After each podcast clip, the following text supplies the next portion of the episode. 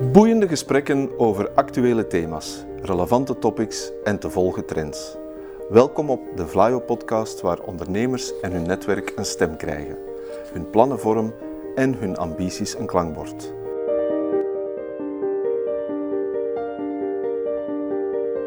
To the point waar het kan, dieper gravend waar het moet. Inspirerend, informerend, ondersteunend. Van artificial intelligence, blockchain en circulaire economie tot digitale zorg. Wij knopen het in jouw oren.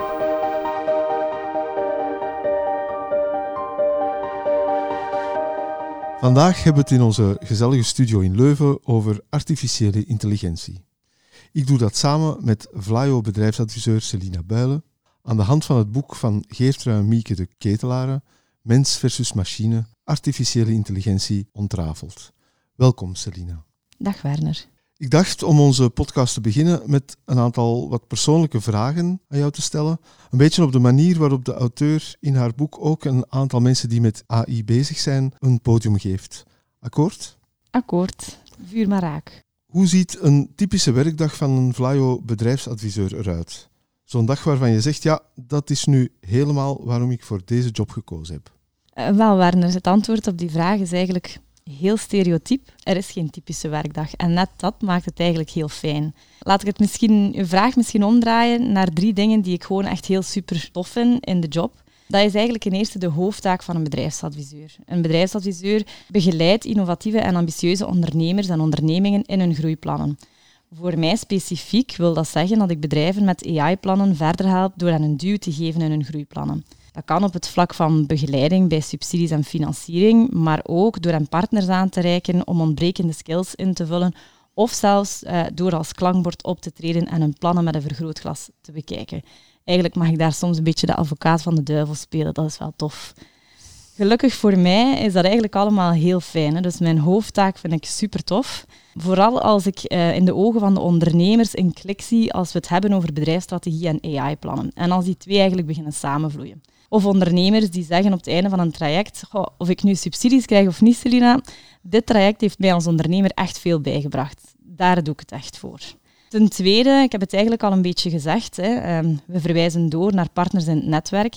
Dus we faciliteren ook samenwerkingen. Vlaio heeft een heel groot netwerk aan partners. En door ondernemers te matchen met partners uit dat netwerk, zien we dat zowel eigenlijk de ondernemer als netwerkpartners kennis vergaren en groeien. En dat is ook heel fijn om te zien. Als derde, mijn data- en AI-hartje zal niet verzadigd geraken als ik het niet af en toe zelf van mag prullen met AI of met technologie.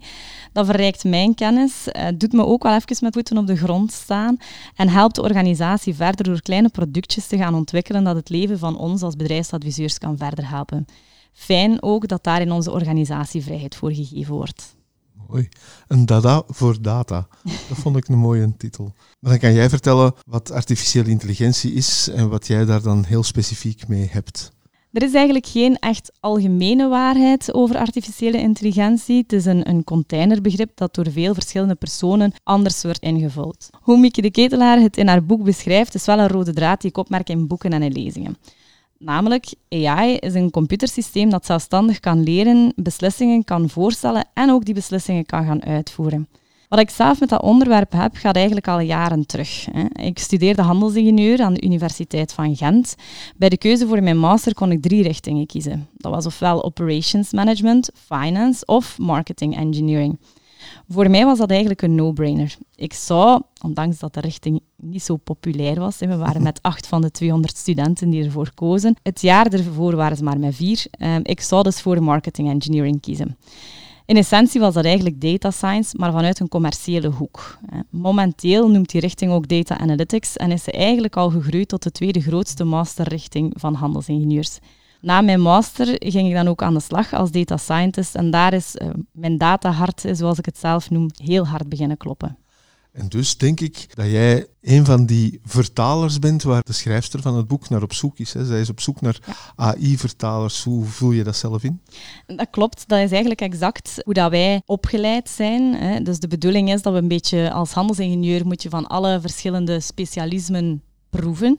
En moet je eigenlijk met iedereen kunnen meepraten. Het is niet dat wij tot in de essentie weten wat het allemaal is of het kunnen uitvoeren. Maar je kan wel de brug slagen tussen de verschillende specialisten. En dat is eigenlijk wat Mieke in haar boek ook vertelt over wat een AI-vertaler is.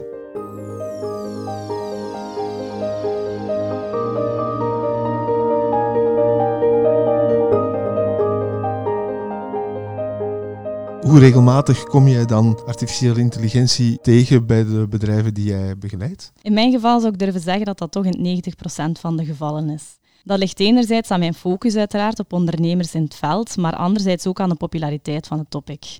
Zo zie ik niet alleen start-ups en scale-ups die specifiek met AI bezig zijn. Ik spreek ook met bloemisten of garagisten die graag met AI aan de slag willen gaan. Dan denk ik dat jij de best geplaatste persoon bent om te vertellen of AI nu een hype of een hulp is. Er zit helaas, uh, zou ik durven zeggen, nog altijd een heel groot stuk hype in. Nog te veel wordt verwacht van AI dat een soort van magische oplossing gaat zijn voor alle problemen. En dat is niet het geval. Bij AI hoef je niet direct te denken aan robots, zoals dat we ze zagen destijds in de film van iRobot. AI zit in ons dagdagelijks leven, zoals onze spamfilters of de voorspellingen van het weer. Wat ik wel merk, is dat bij hedendaagse ontwikkelingen telkens een vorm van technische artificiële intelligentie in het product of de dienst moet zitten om aan de verwachtingen van klanten te gaan voldoen. Mieke spreekt in haar boek over de Colgate elektrische tandenborstel die via sensoren meegeeft waar dat je wat meer moet gaan poetsen. Leuke feature, maar ik volg Mieke wel in haar vraag of we echt AI nodig hebben in tandenborstels. Wat ik wel geloof is dat AI, of de hype rond AI, zowel voordelen als nadelen heeft. Hè. Het voordeel is dat er wel naar heel veel, soms de zotste dingen gekeken wordt, waardoor dat het domein groeit in, in verschillende richtingen. En aandacht krijgt. Ja, en aandacht krijgt. Nadeel is dat bedrijven soms meer durven beloven dan dat ze effectief kunnen leveren. Gewoon omdat ze die term AI willen gebruiken vanuit een soort van marketingperspectief. Daarbij schieten bedrijven soms in hun eigen voet uh, en achter de schermen wordt dan dat beloofde AI-werk manueel uitgevoerd. AI biedt zeker relevante hulp bij bedrijven, producten en diensten en zo staat de medische wereld heel ver en worden medische beslissingen vaak ondersteund door algoritmes. Daarnaast biedt AI veel hulp in de hedendaagse energiecrisis, in de energy management systems, waar AI helpt om efficiënt het aanbod van energie te matchen met de verbruikers van energie. Zo worden bedrijven met veel diepvriezen en dus heel veel energiegebruik vaak door AI gestuurd. Wanneer de zonnepanelen veel energie uh, produceren, worden de diepvriezen op een, een iets lagere temperatuur gezet dan wanneer er minder energie wordt opgewekt. Dat is eigenlijk voor de bedrijven een win op de elektriciteitsfactuur, maar zorgt ook voor minder ballast op het elektriciteitsnetwerk. Dus het helpt ons eigenlijk op veel fronten verder. Daarmee zijn we gewoon in de kern van de podcast beland. Het boek Mens versus Machine van Mieke de Ketelare. Kan je ons iets over de auteur vertellen? Ja, Geertra Mieke de Ketelaar is een burgerlijk ingenieur. Ze is ook adjunct-professor duurzame, ethische en verantwoordelijke AI aan Vlerik Business School. En ze is ook strategisch adviseur AI bij IMEC, bij ID Lab. In 2021 werd ze benoemd tot Digital Mind door de federale overheid. En dit jaar, 2022, werd, was ze runner-up IT Person of the Year. Mieke is een advocaat uh, van AI en legt op een heel eenvoudige manier begrip AI uit en alles wat er rond hangt, qua ethiek, duurzaamheid. En ze doet dat zowel in keynotes als in haar boeken.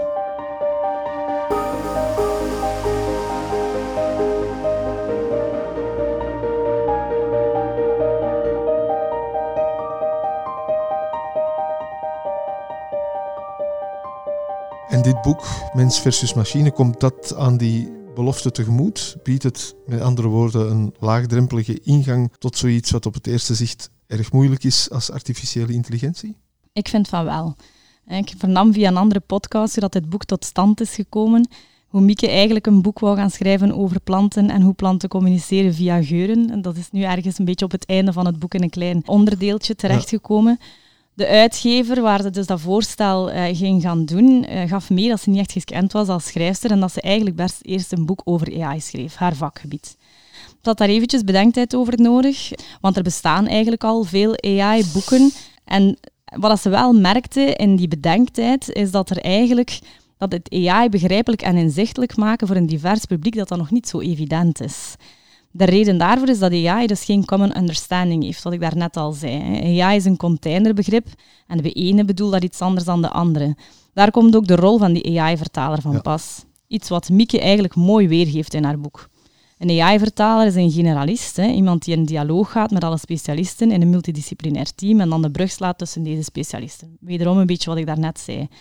Dat draag ik persoonlijk een warm hart toe, want laat dat net zijn hè, wat ik dan eigenlijk geleerd heb in mijn over. opleiding. We gaan die referentie naar de podcast waar jij aan refereerde ook in de liner notes zetten. Ja. Alleszins boeiend wat je vertelt. Ikzelf, ik ben eh notoir leek in deze materie. Ik vond het alvast de structuur van het boek verhelderend. Artificiële intelligentie wordt opgesplitst in specifieke bouwblokken, software, data, hardware en de mensen die het gebruiken. En ik kreeg daardoor als lezer een beter inzicht in de materie. Hoe ervaar jij het? Eh, zeker. Hè. Ik vind ook de blokken die ze maakt zijn heel eenvoudig en laagdrempelig. Voor mensen die minder vertrouwd zijn met concepten is het in elk geval een heel goede introductie, denk ik. Al was het maar om een aantal termen, machine learning, deep learning, neural nets, algoritmes beter te gaan bevatten. De mogelijkheden ervan te zien, maar ook wel de beperkingen beter te gaan begrijpen. Misschien moeten we dan kort door die verschillende hoofdstukken even scrollen, Selina. Eerst zijn er de algoritmes, de zogenaamde software van onze artificiële intelligentie. Wat moeten we daarvan weten of onthouden? Ik zou zeggen, ehm, wat we daarvan moeten weten, is dat we eigenlijk de kern van algoritmes terug kunnen brengen naar drie types van algoritmes. Ten eerste heb je supervised learning algoritmes. Daar gaat een algoritme patronen gaan ontdekken door te gaan leren van een mens. De mens geeft labels aan de data, zoals de persoon met deze karakteristieken is weggegaan als klant bij ons bedrijf en de andere persoon misschien niet. En dat is een foto van een kat en dit niet. En dat zijn de labels die wij als mensen geven aan data waardoor het algoritme kan gaan leren. Dat is dus een eerste categorie supervised learning. Een tweede categorie is unsupervised learning. Een algoritme dat zelfstandig patronen gaat gaan ontdekken zonder tussenkomst van een mens. Dat zien we vaak bijvoorbeeld in clustering gaan optreden. Hè. Dat zijn deze cluster van mensen bijvoorbeeld, zijn gelijkaardig omdat ze een type gedrag stelden of een gelijkaardig type gedrag stelden in het verleden. Dat is het tweede type, unsupervised learning. En dan als derde hebben we reinforcement learning. Een algoritme dat wederom zelfstandig patronen gaat gaan ontdekken, maar ditmaal door fouten te gaan maken. Bijvoorbeeld, ik wil door een deurgat lopen.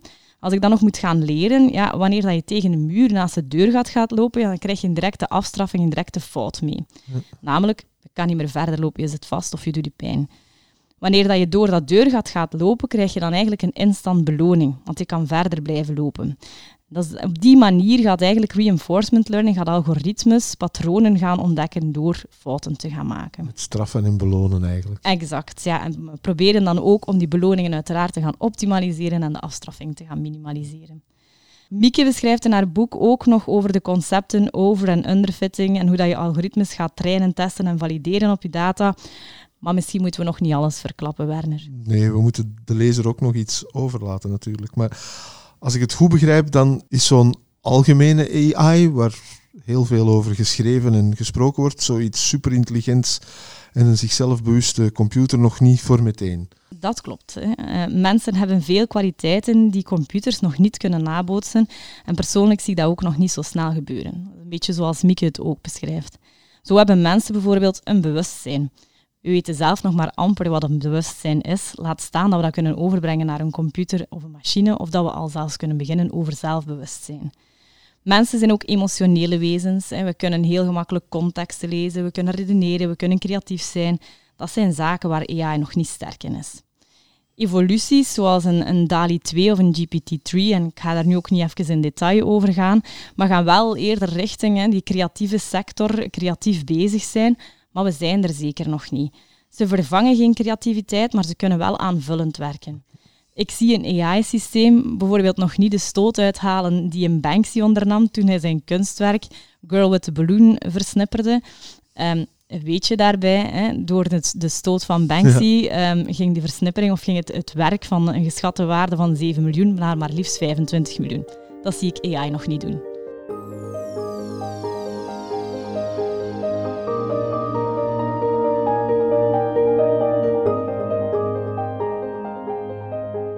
Het belang van goede kwalitatieve data bij artificiële intelligentie valt onmogelijk te ontkennen. Succes staat of valt erbij, leer ik uit het boek. Wat zijn dan de risico's van slechte data en hoe zorg je ervoor dat je kwaliteitsvolle data hebt? Data is eigenlijk de bron. Hè. We spreken heel vaak bij data over garbage in is garbage out. Dus daar kom je eigenlijk al terug naar die kwaliteit van de data. Mensen, wij als mens, bevatten eigenlijk inherent vooroordelen. Die vooroordelen zitten ook vaak, meestal onbewust zelfs, vervat in de data die we genereren. En zo geeft Mieke eigenlijk in haar boek een heel mooi voorbeeld over het beoordelen van cv's. Amazon was aan het experimenteren met algoritmes die konden helpen bij aanwervingen. Men zag dat het AI-systeem discrimineerde ten opzichte van vrouwen. Het systeem was namelijk getraind op voorgaande cv's, wie aangenomen werd en goed presteerde. Voor een job zoals een programmeur waren het eigenlijk overwegend mannen. Dus, dus het AI-systeem gaf eigenlijk automatisch een negatieve score als het cv van een vrouw kwam. Gekleurde data zorgt dus ook voor gekleurde voorspellingen. AI-systemen liggen vaak onder vuur door die ethische dilemma's. En dit is eigenlijk een mooi voorbeeld van hoe dat wij als mens nog steeds beter in staat zijn om complexere vormen van denken en handelen ten berde te brengen, in tegenstelling tot machines. Kwalitatieve data krijg je door je menselijk brein dus aan het werk te gaan zetten, kritisch naar die data te gaan kijken. Daar schuilt wederom de taak van die AI-vertaler. Iemand die kennis heeft van data en weet hoe dat algoritmes werken, maar tegelijkertijd ook inzicht heeft in de businesskant en de betekenis van de data. Multidisciplinaire teams zijn hier ook een deel van de oplossing. Mieke geeft daar ook in haar boek aan hè, dat mensen met bijvoorbeeld een humane wetenschappenachtergrond helemaal anders gaan kijken naar input en output van AI-systemen dan iemand, een technisch programmeur. Die gaat mee eerder gaan kijken naar, werkt mijn algoritme optimaal en heb ik de hoogste voorspellingskracht? Dus multidisciplinaire teams en uw menselijk brein aan het werk zetten. heb ik toch nog werk in de AI-wereld als humane wetenschapper. Hardware speelt een belangrijke rol bij artificiële intelligentie, heb ik uit het boek begrepen, want dat had ik eerder nog niet zo benadrukt gezien. Het krijgt zelfs een apart hoofdstuk. Welke inzichten heeft het jou opgeleverd? Ik moet zeggen, vanuit mijn achtergrond moet ik eigenlijk eerlijk toegeven dat ik vroeger weinig wakker lag van hardware. Ik weet dat daar een aantal collega's zijn dat hun tenen daarbij krullen als ik dat zeg. Maar toen dat ik zelf acht jaar geleden algoritmes begon te schrijven, was dat eigenlijk nog niet zo belangrijk voor mij. Processoren werkten steeds sneller, het geheugen van hardware is steeds groter. Ik kon in 80% van de gevallen mijn algoritmes wel getraind krijgen zonder ingrijpende veranderingen te moeten doorvoeren. Wat ik meeneem uit het hoofdstuk is eigenlijk vooral ook de link met energieconsumptie. Uiteraard is dan heel veel interessante zaken, maar de link met energieconsumptie wil ik er wel eventjes uitlichten, omdat dat toch een brandend actueel thema is met een heel gigantische impact. Iets waar ondernemers de dag van vandaag toch nog te weinig van wakker liggen. AI neemt toe in gebruik, gaat naar commodity, algemeen goed. En dat gaat eigenlijk er alleen maar voor zorgen dat die energieconsumptie gaat verhogen. Laat ons dus naast de schoonheid van verbeterde hardware, die er zeker is, hè, waar ik helemaal achter sta, toch even stilstaan bij de impact die het heeft op ons klimaat en hoe dat we er toch beter mee om kunnen gaan. Oh, een belangrijke boodschap, denk ik. En dan als vierde component in dat verhaal is er natuurlijk wijzelf, de mens. En wij die met die artificiële intelligentie moeten samenwerken, samenleven. Een veelgehoorde vrees daarbij is dat die artificiële intelligentie, die computers, ons werk zullen afnemen. Wat uh, heeft Mieke daarover te vertellen? Mieke vertelt daar eigenlijk exact over zoals ik daar tegenover sta. Het antwoord is genuanceerd. In tegenstelling tot de titel van het boek, Mens versus Machine, gaan we eerder richting een en-verhaal. Het gaat over mens en machine. Mieke beschrijft dat de originele droom van AI was om computers te bouwen die menselijke intelligentie nabootsen, zodat saaie en gevaarlijke taken kunnen overgenomen worden. Ze spreekt daarvan in de context van de 4D's, de dull, dirty, dangerous en difficult tasks. Dat zou op zijn eerste zicht lijkt dat niet zo, eh, lijkt dat zeer evident. Dat zijn zaken die voor mensen evident zijn, maar daarom is het niet evident voor machines. Denk maar aan het interpreteren van verhalen, waar dat we niet alleen naar het verhaal kijken, maar ook naar luisteren naar de emotie en de stem van de mensen die het vertellen. Of de gezichtsuitdrukking van de persoon die het aan het vertellen is. Dat zijn vaak factoren die het verhaal eigenlijk moeilijk te interpreteren maken, maar het net ook zeer waardevol maken. Iets waar computers de dag van vandaag nog niet in slagen. De vaardigheden van de toekomst zullen dus niet enkel technologisch van aard zijn, dat weten we allemaal, dat we die richting uitgaan. Dat zien we ook in aandacht voor bijvoorbeeld stemrichtingen. Maar we moeten ook steeds meer gaan inzetten op skills die computers nog niet hebben. En waarschijnlijk ook nog lang niet zullen hebben, zoals empathie, soft skills, origineel denken en creativiteit. Een andere bezorgdheid die we vaak tegenkomen bij artificiële intelligentie is de controleerbaarheid, de begrijpbaarheid ervan. Hè. Opereren onze AI's niet al te vaak als een beetje een zwarte doos, een blackbox, waarvan we niet weten hoe de computer tot de uitkomst komt die hij berekend heeft. En moeten we Miek's pleidooi voor een ethische artificiële intelligentie in die context begrijpen? Begrijpbaarheid van AI staat inderdaad al een tijdje hoog op de agenda en terecht. En mensen zijn complexe wezens en we aanvaarden niet zomaar een antwoord zonder vaak het verhaal achter de antwoord te kennen. Ook daar eh, staat een heel mooi voorbeeld van in Mika boek over mensen die geen goedkeuring voor een lening krijgen op basis van de voorspelling van een AI-algoritme. Ik denk dat niemand in die situatie denkt, oké, die lening dan maar niet. We willen weten waarom. Lag het aan onze eigen inbreng? Komt het door onze medische voorgeschiedenis? Dat zorgt er ook voor dat wij als mens daar actie op kunnen gaan ondernemen. Dat zorgt er ook voor dat wij het gaan begrijpen. Ja. Blackbox modellen zijn er zeker en doen heel goed werk in bepaalde topics ook, hè, maar er is zeker een evolutie naar explainable AI en die evolutie is groot en is ook cruciaal. Horen dan ook hè, steeds vaker de term whitebox modellen.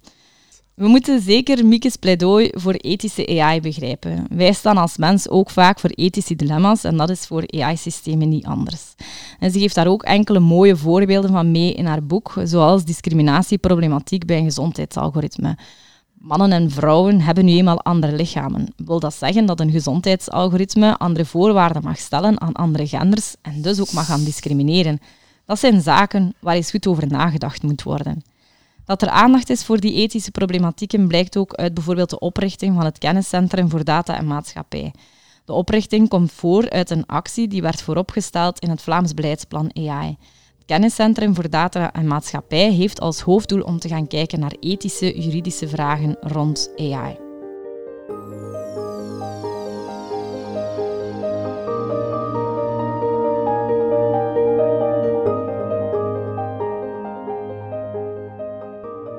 Ik zou even een zijpaadje willen inslaan, Celine, als je dat oké vindt. Want ik weet dat jij ook heel erg bezig bent met diensteninnovatie. Ja. En ik vroeg mij af, en wat is dat precies? En speelt artificiële intelligentie daar ook een rol in? Ja, klopt. Hè. intern uh, bij Vlaio maak ik deel uit van de werkgroep rond diensteninnovatie. Vlaio is vanuit het verleden gekend uh, door de sterke affiniteit met technologisch-wetenschappelijke projecten Echter, wat sommige mensen en ondernemers soms nog niet goed weten, is dat ook diensteninnovatie een plaats heeft bij Vlaio. Diensteninnovatie is net zoals AI een breed begrip. Hè. Wij zien het in de werkgroep als volgt. Diensteninnovatie is het ontwikkelen van een vernieuwd of een sterk verbeterd, niet tastbaar aanbod van diensten en dienstenconcepten. Bij diensteninnovatie staat de eindgebruiker steeds centraal. Die eindgebruiker kan een interne werknemer zijn, maar kan ook een eindklant zijn, iemand die het product gaat gaan afnemen. Diensteninnovaties zorgen vaak voor veranderingen in een waardeketen, een bedrijfsmodel of zelfs in beide. Ik ben van mening dat AI een katalysator is voor diensteninnovaties. Zoals we reeds bespraken, heeft AI nog een hele weg af te leggen om tot een complete menselijke replica eh, te worden. Echter, het is een deel van AI dat al op een redelijk hoog niveau zit en waar dat we dagelijks mee te maken hebben. Denk maar aan personal home assistants zoals Google Home of Alexa, um, suggesties voor liedjes op basis van vorig luistergedrag, tagging van personen en foto's op social media. Dat wil voor mij ook zeggen dat een stuk van AI aan het opschuiven is naar commodity, een algemeen goed, een grondstof. Waar de echte kern van de innovatie bij dergelijke producten of diensten zit, is eigenlijk in de dienstverlening rond dat AI-product. En dat maakt net dat mijn interesse in het topic groot is. Terug naar het boek. Waarom zouden ondernemers, zoals jij die begeleidt, dit boek volgens jou moeten lezen? Ondernemers moeten voor mij dit boek lezen om op een, een laagdrempelige manier het hele gala van AI-systemen te gaan ontdekken. Van algoritmes over data naar hardware. En denk je als ondernemer van, daar ken ik eigenlijk al alles van, eh, dan nog is het eigenlijk interessant om het boek even door te nemen. Zo lees je ook meer over de contexten waarin AI moet opereren en de valkuilen die daarmee gepaard gaan. Namelijk, wat is verantwoordelijk AI en hoe ga ik daar als ondernemer best mee om? Dat is duidelijk. Heel erg bedankt, Selina, voor jouw gedeelde inzichten. Hopelijk vond je het een even aangename ervaring als ikzelf en mogen we jou nog eens uitnodigen voor een ander boek, wie weet over diensteninnovatie was voor mij ook een fijne ervaring, Werner. Ja, wie weet inderdaad, hè, jullie weten me te vinden.